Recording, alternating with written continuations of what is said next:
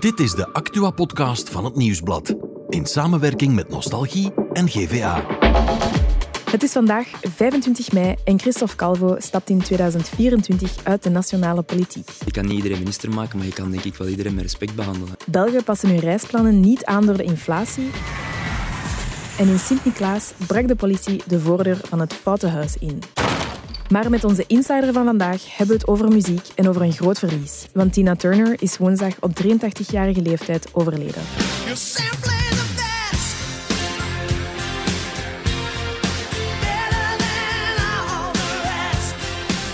Mijn naam is Laurent Stork en dit is The Insider. Wie? Tina Turner, Wat? de queen of rock and roll, Waarom? omdat ze woensdagavond op 83-jarige leeftijd gestorven is. Tina Turner. We zien ze vandaag op alle krantenvoorpagina's. Ze is trending op Twitter en de kans is groot dat u ze ook hoorde op de radio vandaag. Bij ons in de studio zit Dominique Kromme, music director van Nostalgie en DJ. Hallo. Hallo? Want we kunnen er natuurlijk niet omheen. Hè. Tina Turner, ook gekend als de queen of rock and roll, Tina Tornado, simply the best, is niet meer. Nochtans stond het niet meteen in de ster geschreven dat ze een van de strafste vrouwen uit de muziekindustrie zou worden. Nee, dat klopt. Ze is geboren als Anne May Bullock. En ze is op haar elfde jaar al door haar eh, moeder in de steek gelaten. En dan verder opgevoed door haar eh, grootmoeder. En eh, ja, Tina Turner, op dat moment heette ze dus nog Anna. Die, eh, ja, die ging zingen, want dat was natuurlijk haar passie in een kerkkoor. Maar ze wilde meer. En op een avond was ze op bezoek in de Manhattan Club in het stadje Nutbush, waar ze woonde op dat moment. En daar zag ze ene Ike Turner optreden met zijn Kings of Rhythm. En ze was zo onder de indruk dat ze aan de man vroeg of ze mocht meezingen. En eh, Ike die had haar de belofte gedaan eh, om terug te bellen. Om te zeggen van ja, je mag een keertje meezingen en ik ga je terugbellen. Maar dat deed hij dus niet. En op, eh, in 1957 is ze gewoon op het podium gesprongen. En ehm, dat was gewoon tijdens een instrumentaal gedeelte dat Ike even van het podium verdwenen was om gewoon een pakje sigaretten te gaan halen. En uiteindelijk is ze dan beginnen zingen. En dan is het eh, zo gebeurd dat ze onder de naam Little Anne haar eerste plaatje heeft opgenomen. Dat heette Bokstop.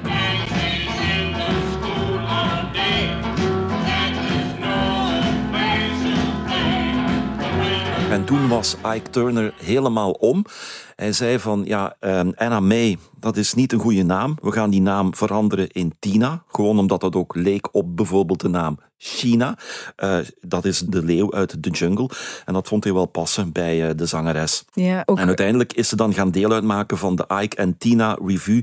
ehm, met onder andere de band die die al had, de Kings of Rhythm. En dan de damesband, de iCats, die ook legendarisch zijn. Als je de clips later gaat bekijken van eh, Tina Turner, de iCats. Ja, dat was eenheid gewoon als je dat, als je dat zag. zat dan ook wel een relatie hè, met, die, met die Ike? Ja, in 1962 zijn ze in het eh, huwelijksbootje gestapt Ja. samen. Ja. Nu, die relatie, ik las dat dat niet exact het romantische verhaal was dat ze had gehoopt, hè? Nee, absoluut niet. Want eigenlijk was het van, eh, van, eh, ja, van het begin al duidelijk dat Ike zeer gewelddadig was in het, in het huwelijk. En dat hij ja, regelmatig, heel regelmatig zelfs, Tina Turner ja, sloeg en eh, aftuigde. Zo, Ja. zo erg was het gewoon, ja. Ehm, hoorden we dat dan ook in haar liedjes? Hebben we daar ooit iets van gemerkt tijdens die Nee. relatie? Nee, absoluut niet. Eh, want als je de optredens ziet van Tina Turner, als je de clips bekijkt van eh, wat ze deden in de jaren 60, was daar absoluut niks van te zien.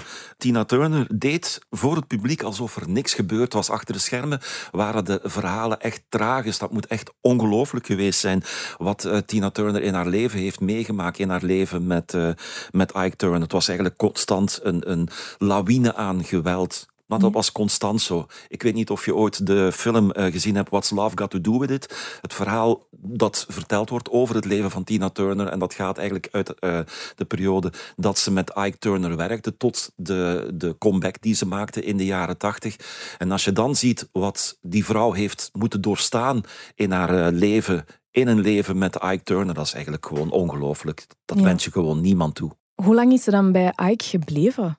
Ja, eigenlijk is dat, als je dat gaat optellen, heel erg lang geweest. Hè. In 1978 heeft ze dan uiteindelijk de beslissing genomen om uit dat huwelijk te stappen en volledig, de, de volledige band met Ike eh, door te breken.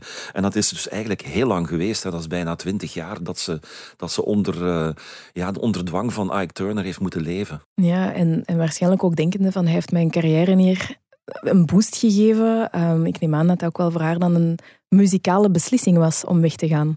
Ehm, dat was op dat moment ja, gewoon noodzakelijk, omdat ze ook zag dat dat zo niet meer verder kon. Hè. Ze zou eh, ja, gewoon doodgeslagen zijn, bij wijze van spreken. Hè. Als je eh, ja, de beelden... Op een bepaald moment heeft Tina Turner op, op het punt gestaan om zelfmoord te plegen.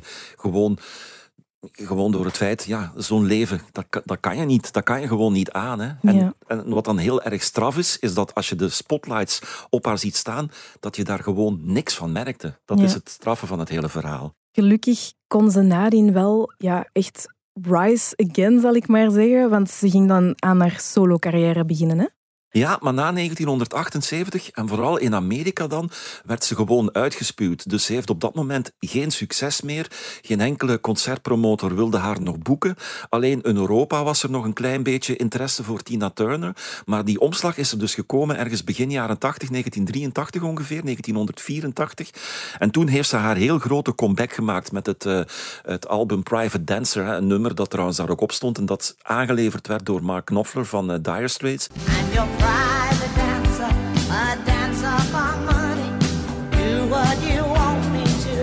Die opname was al volledig gebeurd. Het hele instrumentale stuk was er al. Dat zou uiteindelijk op het album terechtkomen Love Over Gold van Dire Straits. Maar Mike Knopfler maakte de bedenking van Private Dancer. Eigenlijk moet dat door een vrouw gezongen worden. Wat ook terecht is als je het thema bekijkt van de song. Ja. En hij heeft dat dus in de schoot van Tina Turner geworpen. En Tina Turner heeft daar helemaal haar ding mee gedaan. En uiteindelijk, ja, 1984 is dat album er gekomen. Met onder andere eh, die plaat daarop. Maar ook What's Love Got To Do With It. You must try to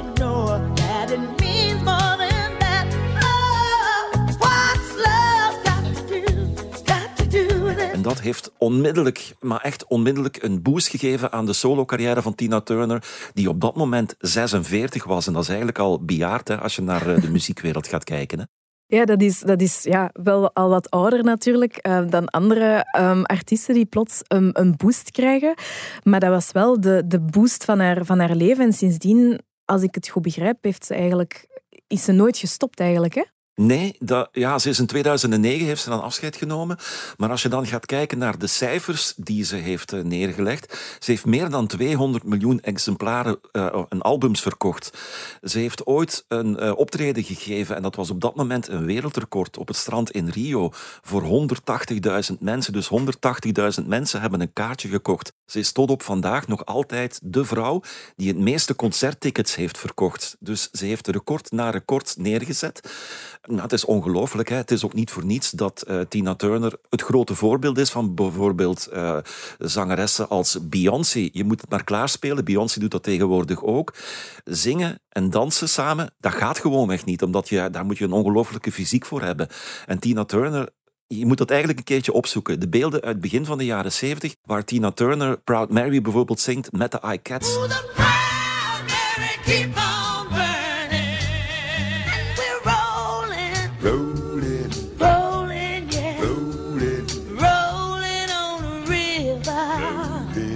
energie die ze uitstraalt terwijl ze aan het dansen is en dan die zangprestaties kan neerzetten, dat is, dat is gewoon ongehoord en ongezien. Ja, ook over die, ehm, die, de invloed dat ze heeft gehad op al die andere mensen. Ik, niet dat ik schrok, maar ik vond het wel heel opvallend toen ik eh, vanochtend Twitter opende. Ik zag Tina Turner is trending, maar ook vooral van welke hoeken dat er steunbetuigingen kwamen. Dat was niet gewoon de, de muziekwereld, maar dat ging over eh, voormalige president Obama, dat ging over NASA, dat ging over acteurs, actrices. Het is heel duidelijk dat ze wel die titel van legende wel echt verdiend heeft, hè?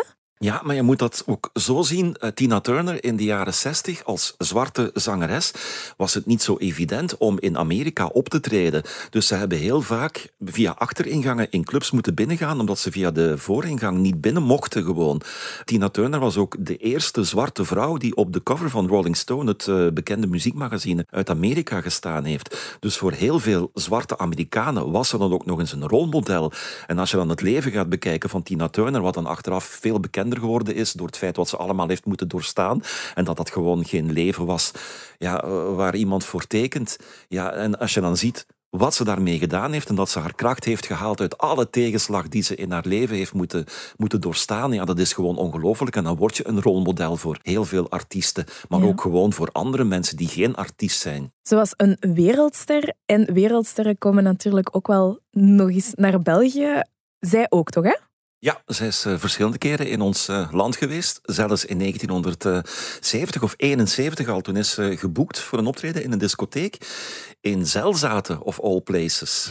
Ja, er was een, eh, een, ja, iemand die die zaal uitbaatte, de zoon geloof ik. die, kon, die had de kans om Tina en Ike te boeken voor die zaal. En die zijn uiteindelijk komen optreden in Zelzaten. Het heeft wel even geduurd voor het podium klaar was en voor alle geluidsinstallatie daarop stond. Het heeft ongeveer twee uur geduurd, denk ik. Maar heel Zelzaten praat daar nu nog over. Dat is een beetje te vergelijken met dat concert dat eh, Kurt Cobain en Nirvana ooit gegeven hebben in de vooruit. Als je half België moet geloven. Half België heeft in die zaal gezeten en dat was in Zelzaten ook het geval. Iedereen in Zelzaten beweert dat hij bij dat optreden was. Nu nog altijd. En vandaag zullen dat nog veel meer mensen zijn. Ja, we zullen het misschien zien passeren op, eh, op Facebook. Ik was daar of ik heb Tina Turner gezien. Hè? Ja, waarschijnlijk wel. En zo zijn er vandaag heel veel foto's. Hè? Ja, inderdaad. Nu, ik vind het wel opvallend als ik lees hoe en waar dat ze is overleden. Want je zou denken, een wereldster als Tina Turner, die zal wel in, in L.A. of zo ehm, heel grandioos wonen. Maar dat was niet het geval. Hè. Zij is overleden in Zwitserland. En ze was zelfs Zwitserse op het einde van haar leven. Hè. Ze heeft haar nationaliteit veranderd naar eh, Zwitserse. Ja, ze heeft in eh, de jaren tachtig een Duitse muziekproducent leren kennen, Erwin Bach. En dat was eigenlijk de liefde van haar leven. Eh, En daarmee is ze dus in Zwitserland gaan wonen, in Koesnacht om precies te zijn. En eh, daar is ze dus eh, overleden. Alhoewel dat einde van haar leven ook niet echt helemaal zonder tegenspoed was. Want ik denk een jaar of vier, vijf geleden is een van haar zoon eh, door zelfmoord om het leven gekomen. En afgelopen december heeft ze haar andere zoon ook nog een keertje verloren door een ziekte. Dus de tegenspoed heeft haar, heeft haar toch wel weer ingehaald, ook in Zwitserland. Ja, en op het einde van haar leven, ja, ze heeft een niertransplantatie ondergaan, die ze trouwens van haar man gekregen heeft, hè, die nier. Dus dat is ook nog echte liefde, als je dat zo bekijkt. En ja, ze heeft heel veel gezondheidsproblemen gehad. Dus Ja. eigenlijk wel, eh, de laatste jaren zag het er wel naar uit dat het einde er zag aan, eh, zat aan te komen. Tina Turner had dus heel duidelijk een heel zwaar leven. Maar zoals NASA het op Twitter schreef, haar nalatenschap zal voor altijd tussen de sterren leven. En natuurlijk ook op onze radio's, hè, Dominique? Absoluut. We gaan heel veel Tina Turner draaien bij Nostalgie. Inderdaad. Dankjewel om er vandaag bij te zijn trouwens. Graag gedaan. Er is natuurlijk ook nog ander nieuws vandaag en daarvoor gaan we naar onze producer Joni. Dag Joni. Dag Laurent. Groen, de partij, is weer een man lichter, want Christophe Calvo, die vertrekt. Je kan niet iedereen minister maken, maar je kan denk ik wel iedereen met respect behandelen. Ja, op nationaal niveau dan toch. Hij wil zich focussen op de stad Mechelen. De regel bij Groen is ook dat hij maximum twee volle termijnen in het parlement mag zetelen. En dat zit er nu dus al zeker op voor hem. Hij zou een uitzondering kunnen aanvragen, maar dat gaat hij niet doen. Hij wil geen kandidaat meer zijn bij de federale verkiezingen. Ja. Hij wil in zijn laatste maanden wel nog dingen realiseren. Het is niet dat hij nu al stopt. Ja. Ehm, hij gaat nog een aantal doorbraken forceren, hoopt hij. eh, zoals hervorming van de partijfinanciering. Oké, er is ook nog natuurlijk vakantienieuws, want het zonnetje schijnt geeft mij zin om een reisje te boeken. En ik ben volgens de vakantiebarometer van reisverzekeraar Europassistance niet de enige. Hè? Nee, zeven op de tien Belgen zullen tussen juni en september nog steeds op reis vertrekken. Veel mensen, hun budget is wel gedaald, ehm, maar dat houdt velen niet tegen om toch nog op reis te gaan. Drie vierde van de mensen die niet op reis gaan, zeggen wel dat de reden financieel is. Maar België is het enige land van de 15 bevraagde Europese landen waarbij het reisbudget gedaald is. Maar dus slechts een kwart zegt dat ze hun reisgedrag zullen aanpassen. Slim, dat reisbudget moet ik misschien ook nog eens ehm, gaan bekijken. En dan is er ook nog een grote vergissing in Sint-Niklaas. Joni, wat is er daar gebeurd? Ja, de lokale politie van Sint-Niklaas heeft een grote vergissing gemaakt. Agenten hebben zich vergist van straat. ehm, bij een inval in een woning. Oh. Ehm, dus de verkeerde deur is ingebeukt. Police, open up! Ze zeggen zelf dat het gaat om een menselijke fout. Ja. Eh, ze werden opgeroepen naar het Koningin Elisabethplein, maar ze reden naar de Koningin Elisabethstraat. Oh nee. En dus ja, bij dit soort interventies, als de deur niet wordt opengedaan, moet de politie noodzakelijk binnenbreken. Maar alle kosten worden gelukkig vergoed. Oké, eind goed, al goed dan. Bedankt Joni en morgen zijn we er weer met de Insider. Als je met vragen zit na het beluisteren van deze podcast, weet dan dat je altijd terecht kan bij de zelfmoordlijn op het nummer 1813 of op de website zelfmoord1813.be.